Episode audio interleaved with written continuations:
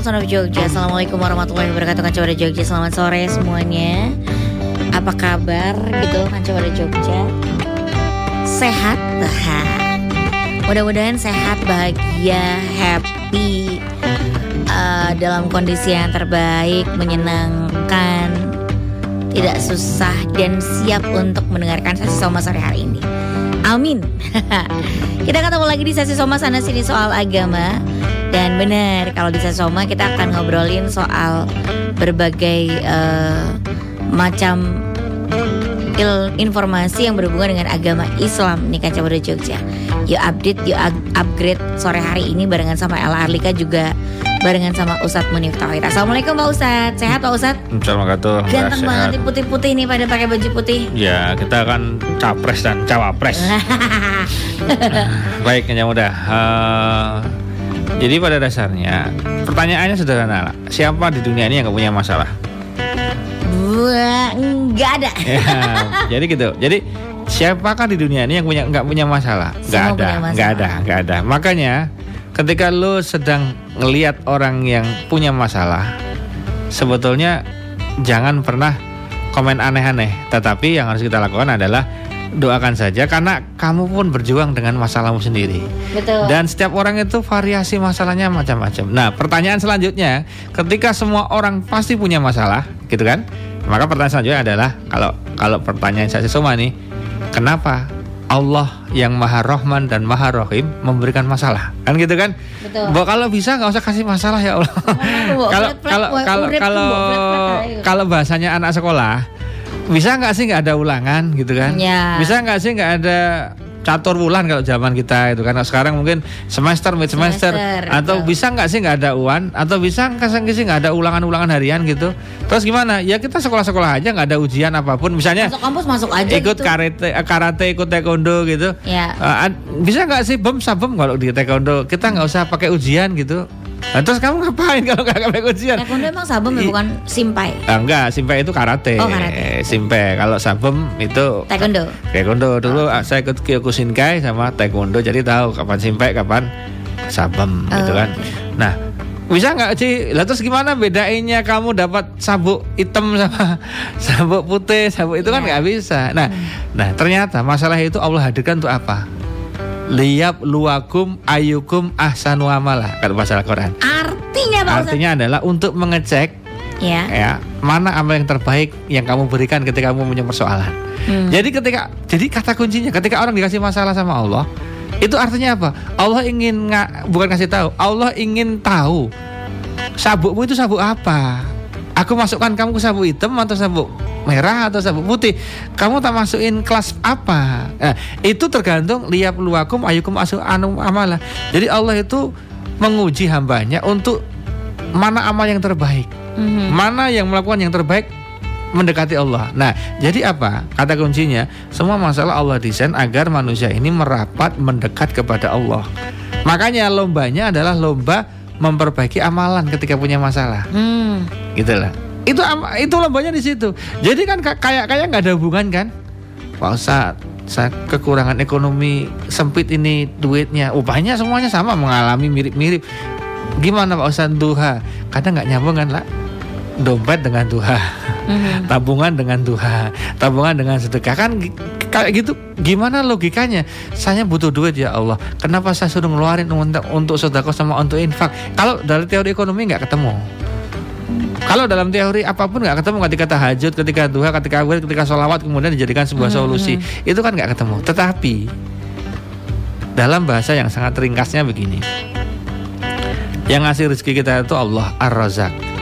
Maka kalau kita dekat dengan Ar-Razak, kira-kira dikasih gerojokan lebih nggak? Mm-hmm. Kan gitu. Karena kita dekat gitu kan. Nah, jadi yakin saja bahwa masalah yang kita hadapi itu itu bukan masalah yang datang begitu saja itu sudah sinyal dari Allah. Signs of Allah kata Mufti Meng. Jadi sudah kita pernah bahas di sini bahwa justru karena Allah itu seneng cinta sama hambanya dikasih masalah. Semakin berat masalahnya semakin Allah ingin mendekatkan dirimu diriku dirinya dengan Allah. Gitu loh Itu hmm. itu kata kuncinya di situ. Cuma untuk bilang seperti ini itu butuh ilmu, butuh proses, butuh riado dan ikhtiar. Hmm.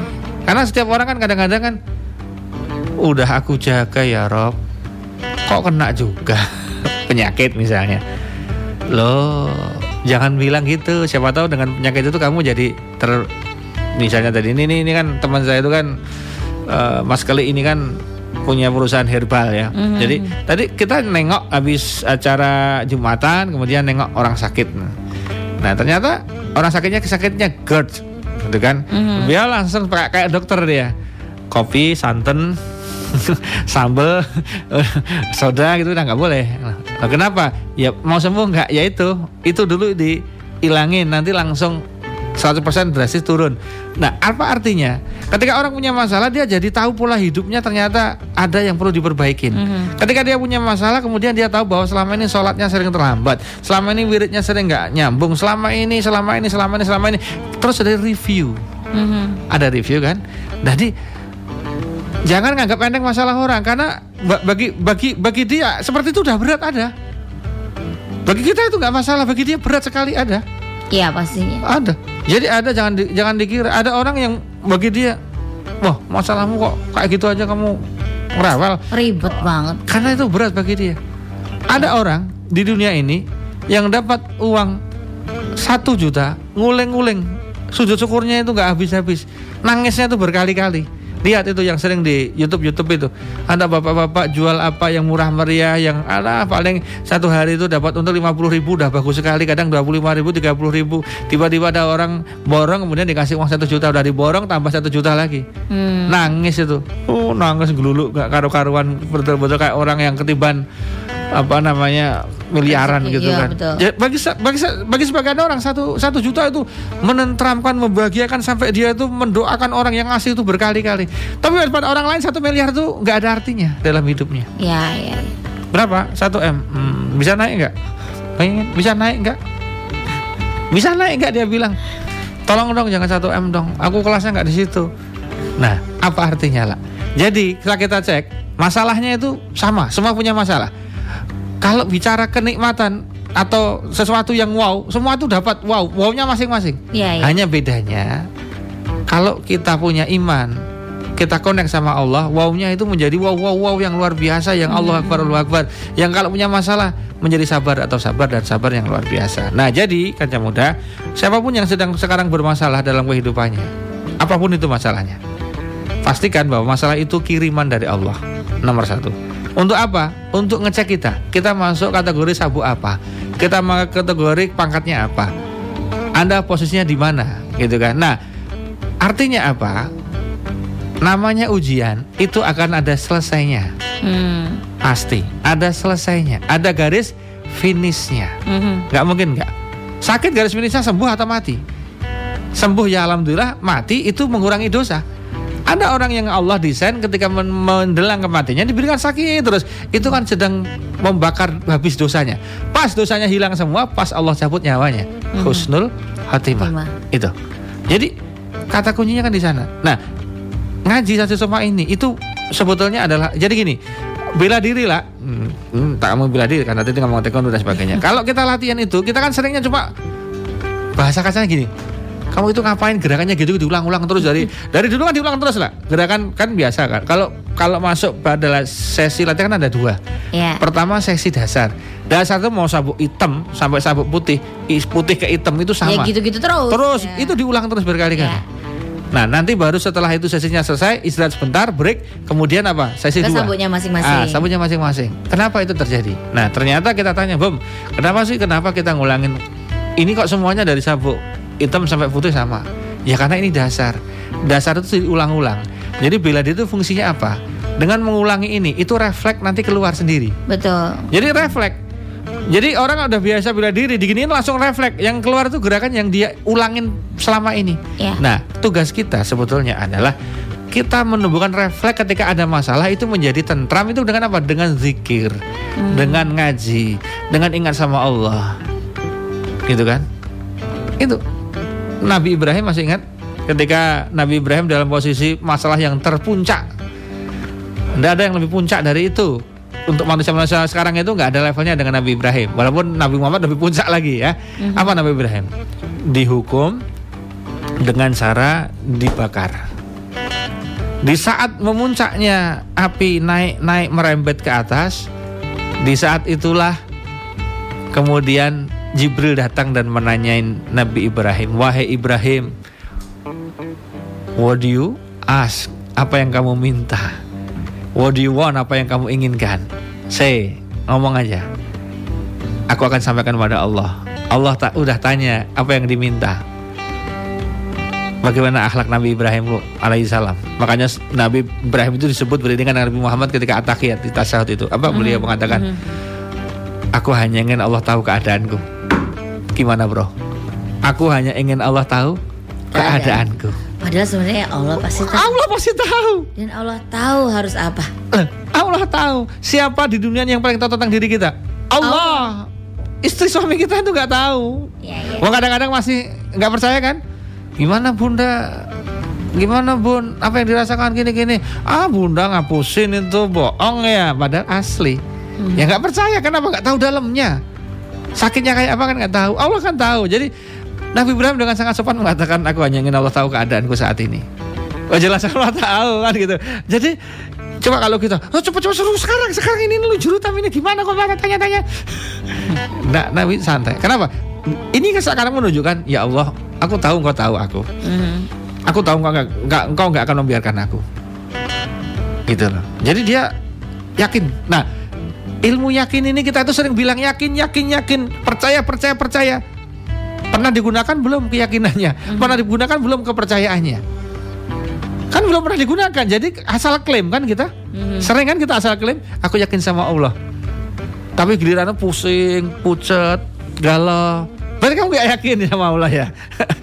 kamu gak yakin Allah bakal beresin masalahmu ya? Gitu kan? hmm Betul gak? Berarti kan gitu kan, logikanya kan seperti itu. Tapi Ustaz saya kalau kena masalah, ya semua orang kena masalah itu manusiawi. Kemudian ngedrop, kemudian stres, kemudian nangis, kemudian curhat, kemudian dia semacam hopeless. Itu wajar. Nabi ditinggal itu sama orang-orang tercinta, nangis beliau. Hmm. Nangis beliau.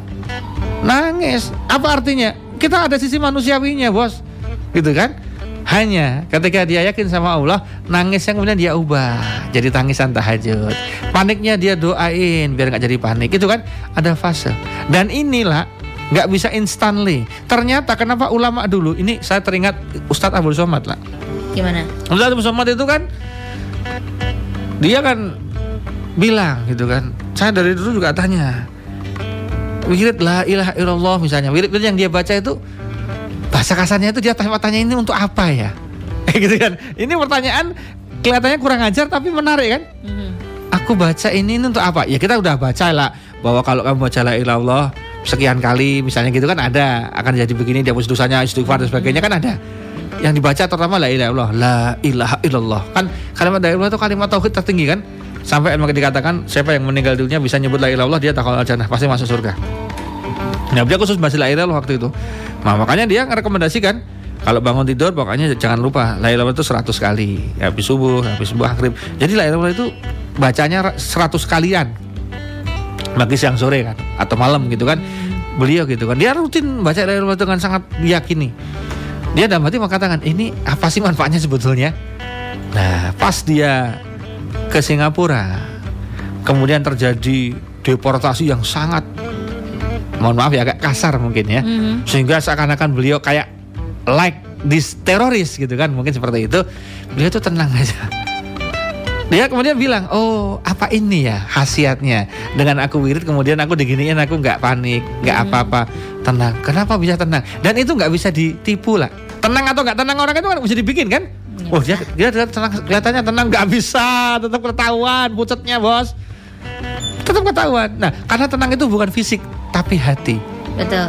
Inner beauty bahasanya kan gitu, inner beauty. Maka jangan kaget. Bagaimana Saddam Hussein ketika dituduh darah darah dia diadili di pengadilan. Des kamu salah gini gini senyum dia.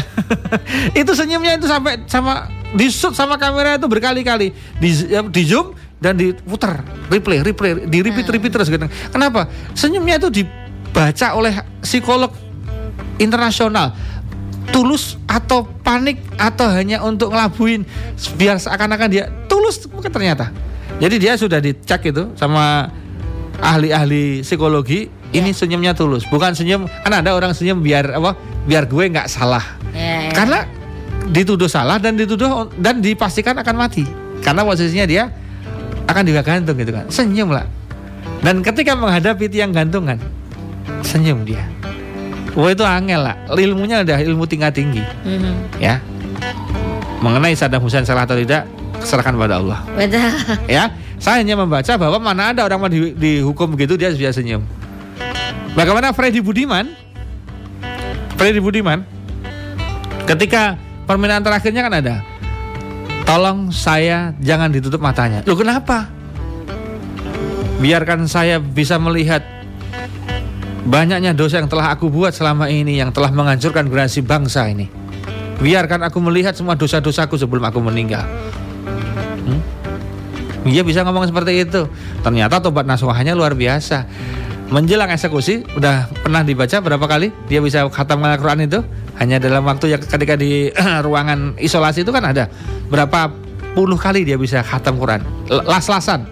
11 atau 12 saya lupa. Ampanya las-lasan dia hatam sekian kali dalam waktu selama dia menunggu di ruang isolasi sebelum dieksekusi. Wow.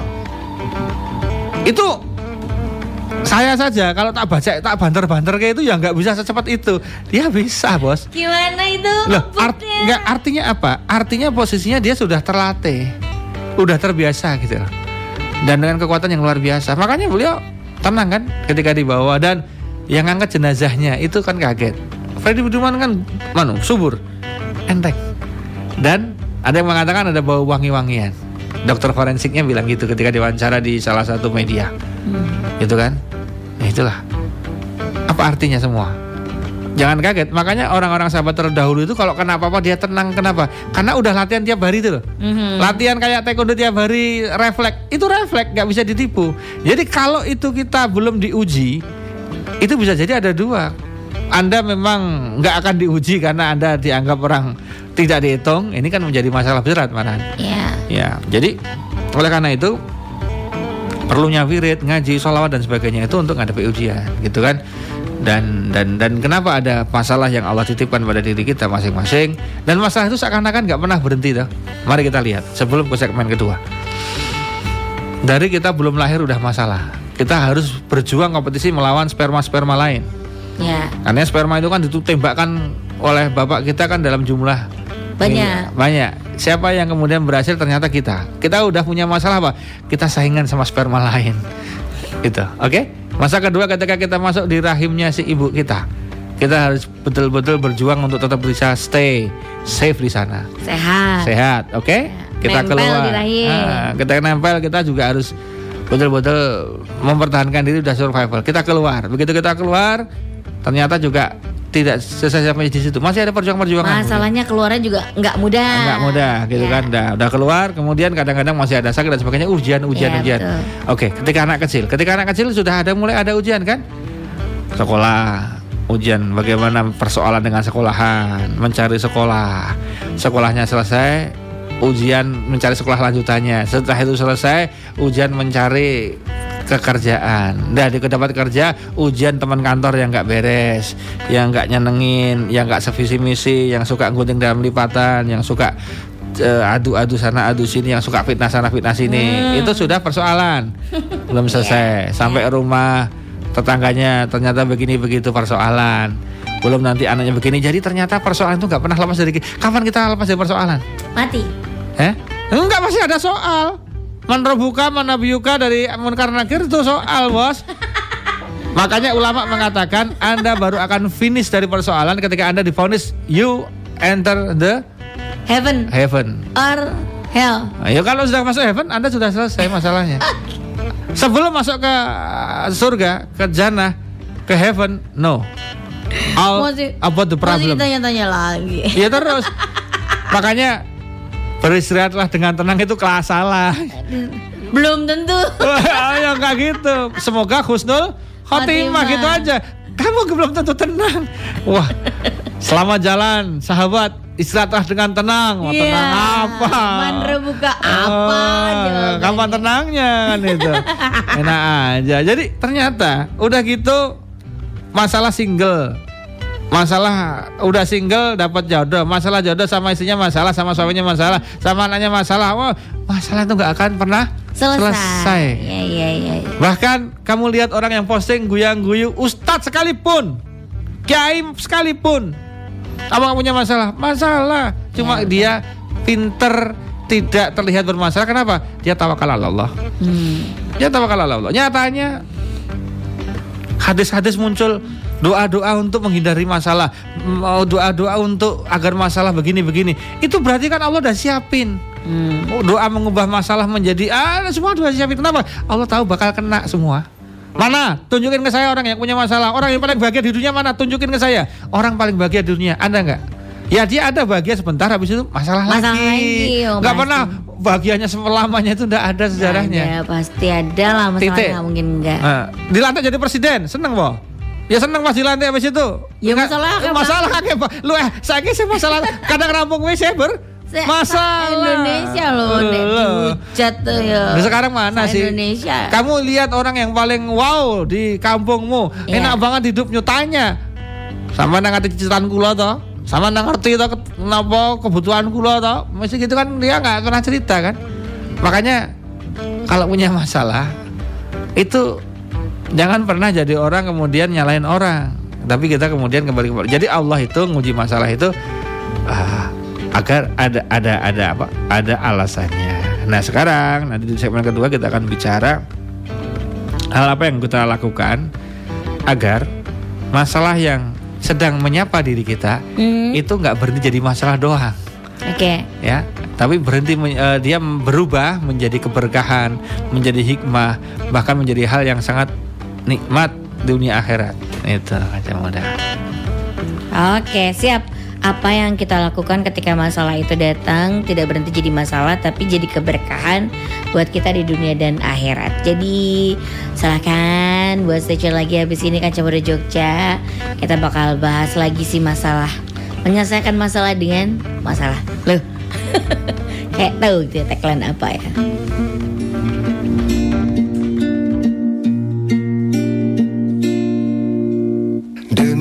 Jiwaku yang ada dalam genggamanmu. Bawa aku menuju jalan-jalan ke arahmu. Demi kekeringan yang melanda kampung halamanku. Beri aku benih yang tumbuh di jari manismu. Bantu aku mencintai jalan pulang. Demi bertemu denganmu lumbung keabadian. Bantu aku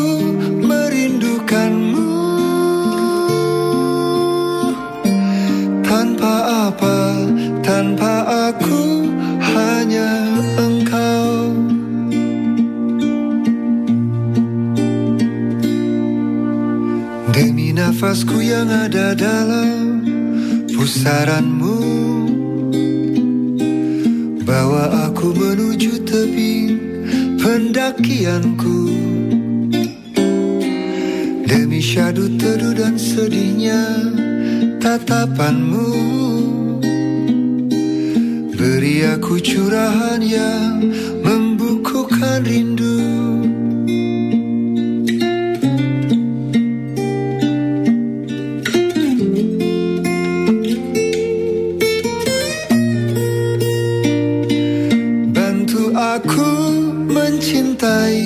jalan pulang. Demi bertemu denganmu lumbung keabadian Bantu aku merindukanmu. Tanpa apa, tanpa aku hanya engkau. Oh, bantu aku mencintai jalan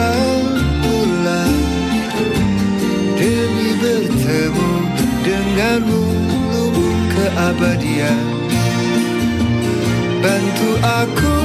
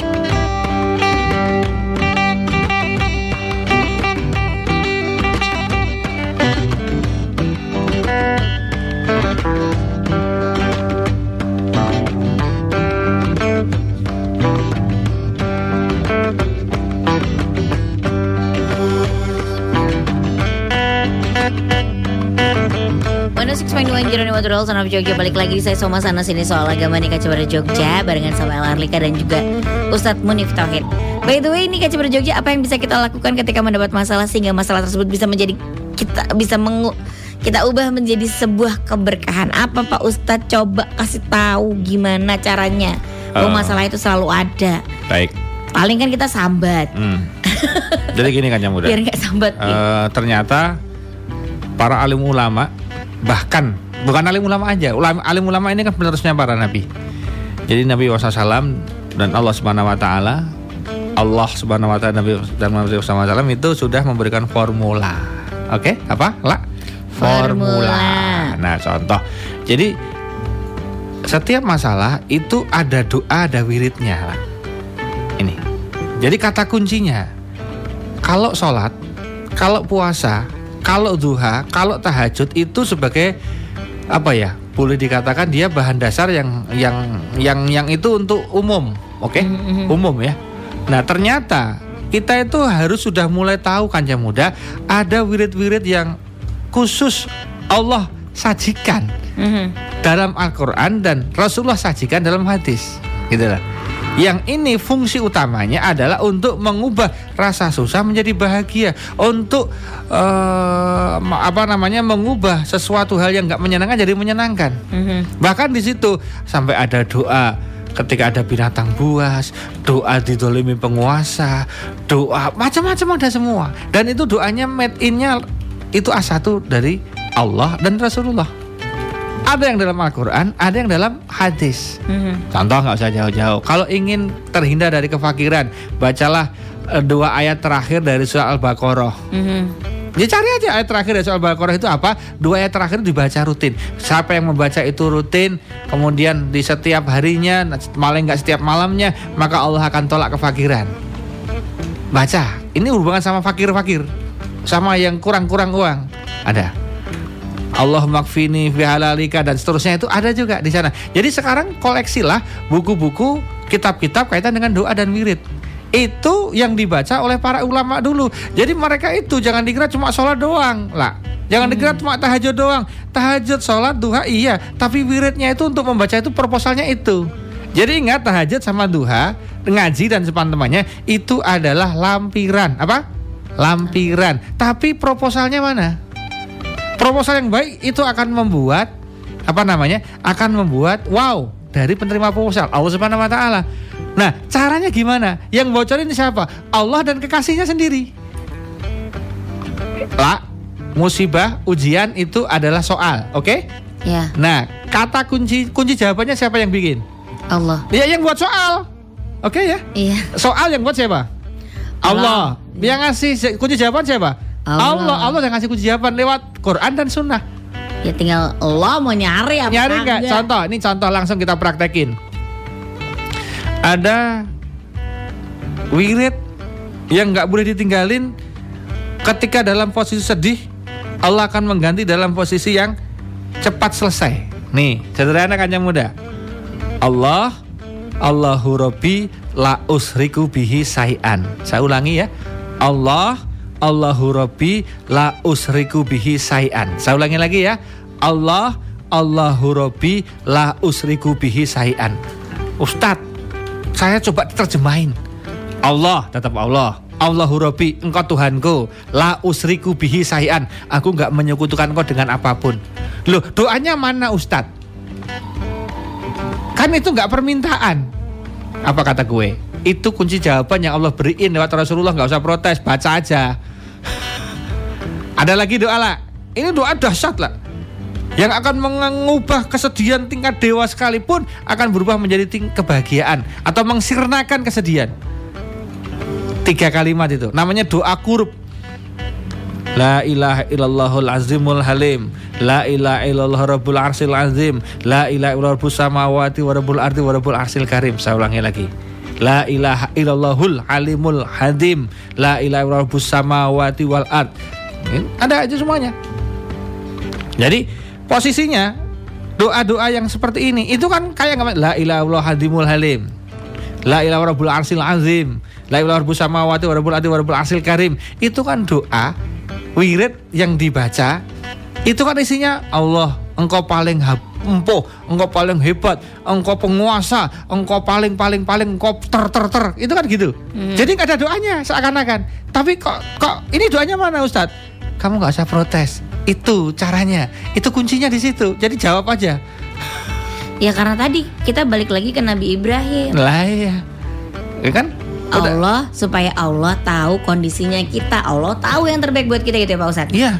Jadi itu makanya kenapa saya rekomendasikan untuk membeli buku-buku wirid dan doa. Di situ tuh tulisannya wirid yang selalu dibaca Rasulullah setiap pagi, setiap sore, dibaca setiap saat. Contoh nggak usah jauh-jauh. Barang siapa mengucapkan la ilaha illallah wahdahu la syarikalah lahul mulku walahul hamdu wa ala kulli qadir 100 kali per hari maka Allah akan lenyapkan kesedihannya. Allah akan berikan rezeki yang berlipat-lipat. Gampang entah Mas Dai? La ilaha illallah wahdahu la syarikalah lahul mulku wal hamdu wa ala kulli Jadi baca 100 kali per hari.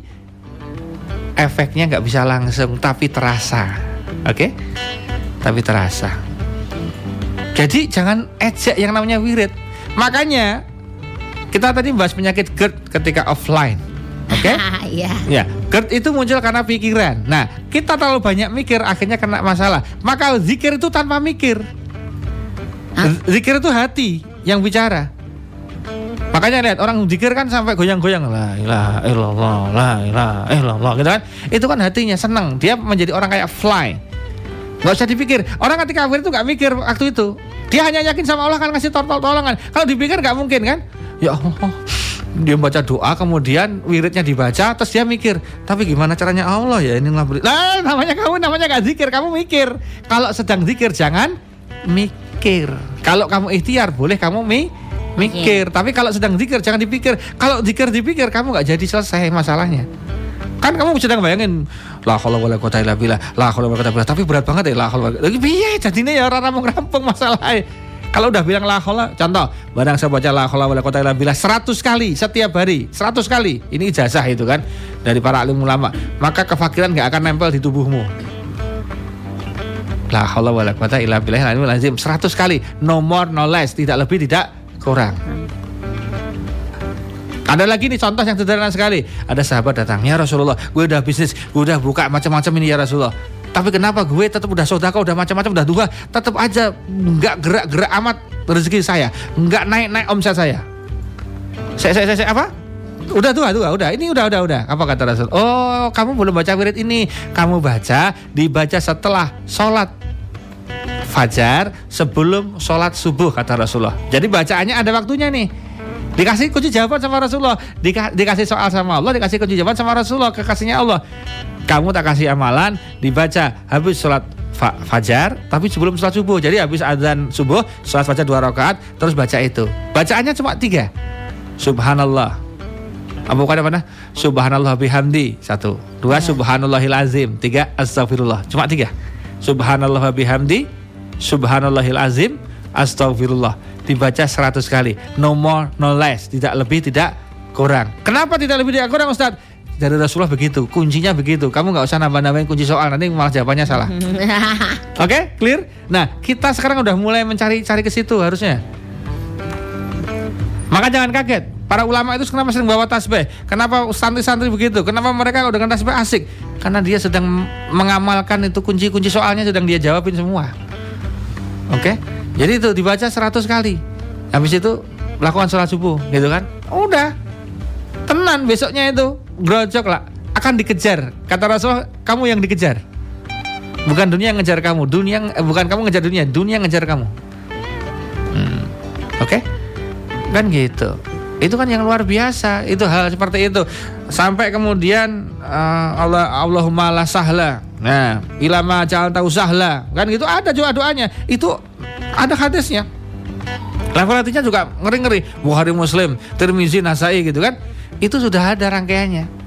Nah, maka kita harus mulai kalau beli kalau beli jajan bisa masuk beli buku kayak gitu nggak bisa beli kitabnya sekarang buku-buku itu disajikan tidak hanya tipis lah bagus dibawa ke mana-mana etching eyes dan doa membaca tidak dosa oke okay? doa membaca tidak dosa okay. jadi doa itu nggak harus hafal siapa bilang oh, doa okay. harus hafal enggak berdoa sambil membaca boleh apa, oh, gitu ya. kita sholat aja sambil baca masih boleh. boleh kan ada sekarang modelnya Quran yang dikasih kayak partitur apa, apa mas deh? Jenis partitur, partitur. ya? Ah, partitur itu. Jadi kalau sholat terus Masih nanti baca di itu. depannya ada Quran besar hmm, terus kita hmm. baca sambil sholat. Itu aja boleh. Apalagi ya, cuma doa. Mohon maaf bukan cuma. Maksudnya doa kan keluar rangkaian sholat. Ini ya, sholat betul. aja yang rangkaiannya jelas clear aja boleh. Apalagi cuma doa. Jadi handphonenya jangan dipakai buat sekedar googling dan lihat macam-macam ya. Hmm. Simpen doa di situ langsung pakai boleh ya Pak Ustaz. Boleh boleh. Kalau mau bagus saya sarannya belinya kitab. Oh, Walaupun okay. kitabnya terjemahan kamu bawa ke mana-mana jadi seakan-akan asik itu baca kitabnya kalau HP saya nggak rekomendasi ya Mas Klik karena HP sering ada gambar sama video-video aneh-aneh itu loh. Ya kan datang sendiri kadang-kadang. Hmm, jadi itu nanti lo malaikatnya bingung nanti. HP kita nggak aman. Nanti awalnya um, um, oh wah masalahnya di situ. Maka baca kita makanya kita makanya gimana HP dalam HP Android di di ya boleh aja cuma aduh gimana ya. Oh gitu Mending ya. anak karena di situ kita susah kecuali HP kita sudah HP syariah. Gimana? ya sama ngerti aplikasi saya kira-kira gambar sing aurat dilepas nggak bisa masuk di situ. Oh gitu. Aku aplikasi ini ono apa HP ini jenis apa aku orang ngerti. misalnya nih gue nyetel bokep sepep terus error raiso ngono ah, ya iso kan ya teknologi ini embo iya, iya. ya kan ya kita itu harus clear. Makanya tempat yang untuk sholat itu kenapa mustajab untuk doa. Karena di situ nggak pernah untuk apa apa kecuali untuk ibadah. Makanya kita di rumah harus punya mihrab. Meskipun cuma kecil tempat itu digunakan mojok nggak boleh aktivitas termasuk seksual pun nggak boleh di situ. Sehingga sakral. Kalau masuk situ mustajab. Jangan sampai tempat kita tuh ya hubungan badan di situ, padu di situ, sholat di situ, doa di situ, ngeces di situ. Ngompol di situ. Malaikatnya ini tempat apa? gitu. Gitu lah nah jadi ya wirid-wirid ya terus surat-surat lah ternyata surat-surat yang sering kita baca itu juga surat-surat untuk teman hati itu adalah ada al-fatihah ada anas ada falak ada kulhu. Itu jadi ikhlas falak sama anas itu. Mm-hmm. ayat kursi misalnya. Itu surat-surat yang sering untuk tahlil itu loh. Itu ternyata surat-surat yang kemudian membuat kayak ada auto ru'yah untuk diri sendiri, ada juga semacam proteksi asuransi untuk diri sendiri gitu. Itu surat-surat itu dibaca. Ada lagi misalnya wilayah bacalah yasin setiap habis maghrib misalnya. Itu juga bagus sekali baca wakiyah setiap habis asar misalnya. Itu juga bagus sekali. Jangan jangan biarkan hidupmu itu tanpa Al-Quran dalam setiap hari. Uh, ini ada risetnya lah. Jadi ada sudah ada bahwa ketika orang punya masalah, cobalah kita membaca Al-Quran rutin dan tidak pernah meninggalkan hmm. dalam sehari-hari. Entah satu dua tiga ruku. Dengan begitu, itu nanti menjadi hidupnya apa masalahnya akan ditata sama Allah, akan ada solusi-solusi. Itu seperti itu. Nah, jadilah kalau masalah kita nggak pernah berhenti dan selalu malah tambah masalah menjadi membesar, jangan-jangan apa yang saya sebutin tadi itu belas nggak pernah dilakuin istighfar nggak pernah sholawat nggak pernah la ilallah nggak pernah baca Quran nggak pernah baca buku-buku agama nggak pernah ya mohon maaf itu sangat apa ya boleh dikatakan sangat sangat sangat mungkin sekali untuk kemudian timbul permasalahan. permasalahan. Jadi permasalahan ini Allah hadirkan itu agar kita nggak lalai. Hmm. Logikanya doa-doa itu dibaca itu tidak harus ketika punya masalah. Dibaca ketika sedang merasa nggak punya masalah pun akan menjadi kalau punya masalah masalahnya nggak membesar. Jadi lebih ringan. Jadi lebih ringan. Allah kasih petunjuk gitu. Iya, gitu gitu gitu. Jadi kita harus macam sekarang udah mulai wirid-wirid dikir-dikir solawat jenis. Solawat sih sekarang macam-macam lah. Ada solawat jenis tertentu misalnya kita ambil contoh solawat. Ada waktu itu orang yang dihina mm-hmm. oleh pembesar dan dia sakit hati sekali karena dia rajin salawat tiba-tiba dia tertidur kemudian dalam tidurnya bermimpi bertemu Rasulullah kamu baca ini. Besoknya dia baca itu pembesarnya itu datang minta maaf sama dia. Itu Rasulullah sendiri yang ngasih redaksinya. Allahumma Sholli ala Sayyidina Muhammadin Qad hilati adrikni Ya Allah ya Rasulullah. Namanya sholawat adrikni Coba diketik. Ada sholawat adrikni. Dari mana dulu pernah ada dibacanya gimana? Sholawat adrikni udah terkenal itu. Coba dibaca lah. Untuk contoh referensi. Apa? Coba dibaca. Bentar baru diklik. Hmm. wait wait.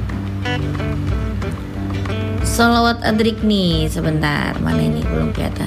Hmm. Assalatu wassalamu. Bukan? Ya itu. Nanti ada dua versi. Dua-duanya boleh terus Assalatu wassalamu alaika ya sayyidina ya Rasulullah. Adrikni Terus? Khud Biadi kolat hilati adrikni, adrikni ya. Rahmat dan sejahtera semoga melimpah kepadamu Wahai junjungan Rasulullah. Peganglah tanganku Sedikit sekali upayaku Maka temukanlah aku. Apa itu Pak Ustadz maksudnya? Ya, ya. Aku nyerah. Tolong aku gitu loh. Oh gitu. Nah, terus ada bacaan selanjutnya sebetulnya ada bacaan versi lain ada nggak coba bawa di di di nain nain nain lagi.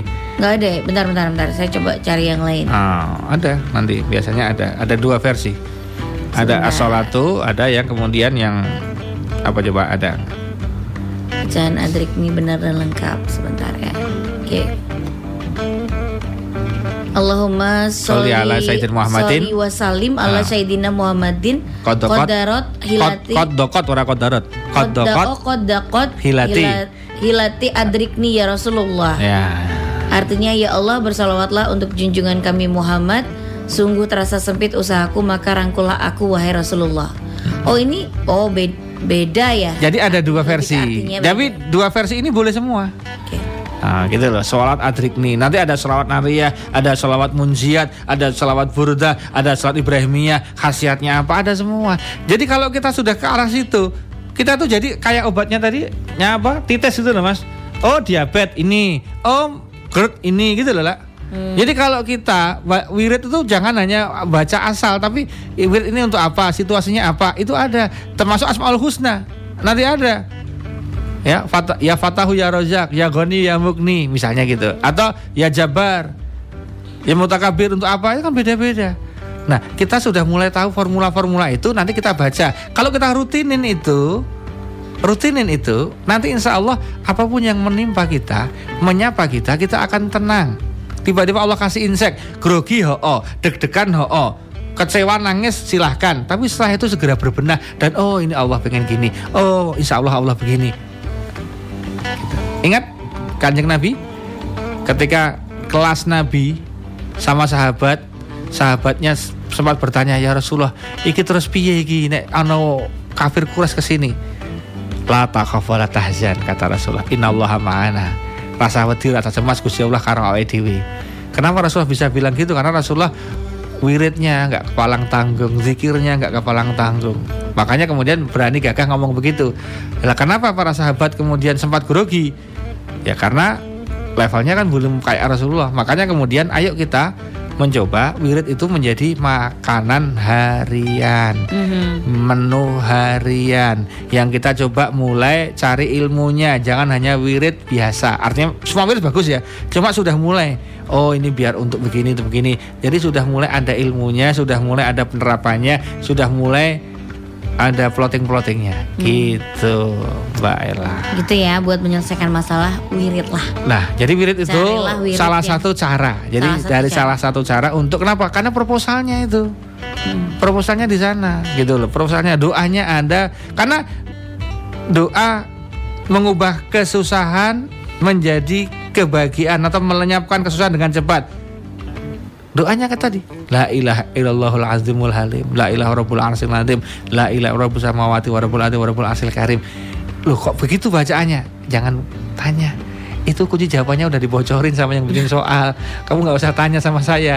Itu yang yang ngasih tahu, yang ngasih soal itu, itu bocorannya dari kunci jawabannya itu. Hmm. Kamu mau nggak nilainya un bagus? Ya udah itu aja itu. Enggak usah akan improve. Uh, ya. Oke terima kasih Pak Ustadz. Okay. Mudah-mudahan uh, pencerahan buat kaca pada Jogja yang sekarang punya banyak masalah.